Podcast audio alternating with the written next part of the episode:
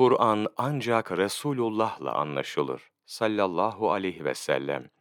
İmam-ı Beyhaki, rahmetullahi aleyh, kendi senediyle Şebib bin Ebi Feddaletil Mekki'den nakletti ki, İmran bin Hüseyin rahmetullahi aleyh şefaati anlattı.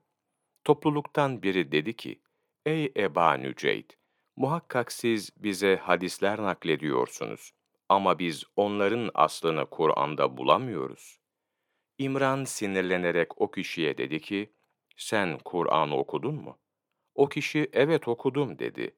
İmran dedi ki, sen sabah namazının iki, öğle, ikindi ve yatsı namazının dört ve akşam namazının üç rekat olduğunu Kur'an'da buldun mu?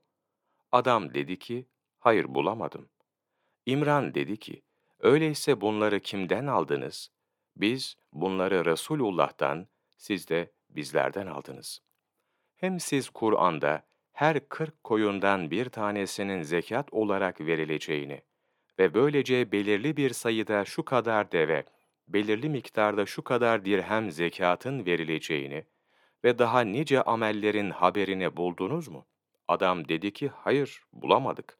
İmran, rahmetullahi aleyh, o halde bunları kimden aldınız? Biz bunları Resulullah'tan sallallahu aleyhi ve sellem, siz de bizden aldınız. Hem siz, Kur'an'da Kabe'yi tavaf etmeyi ve orada sa'i tavafının yedi şaft olduğunu ve makamı İbrahim'in arkasında iki rekat namaz kılındığını buldunuz mu? Ve siz, Kur'an'da sürgün ve uzaklaştırma cezasının olduğuna, şigar evliliğinin yasaklandığına dair bir haber buldunuz mu? Hele siz Allahu Teala'nın şu buyruğunu da işitmediniz mi? Resul size neyi verdiyse onu alınız ve sizi neden yasakladıysa ondan da kaçınınız. Haşr suresi 7. ayet.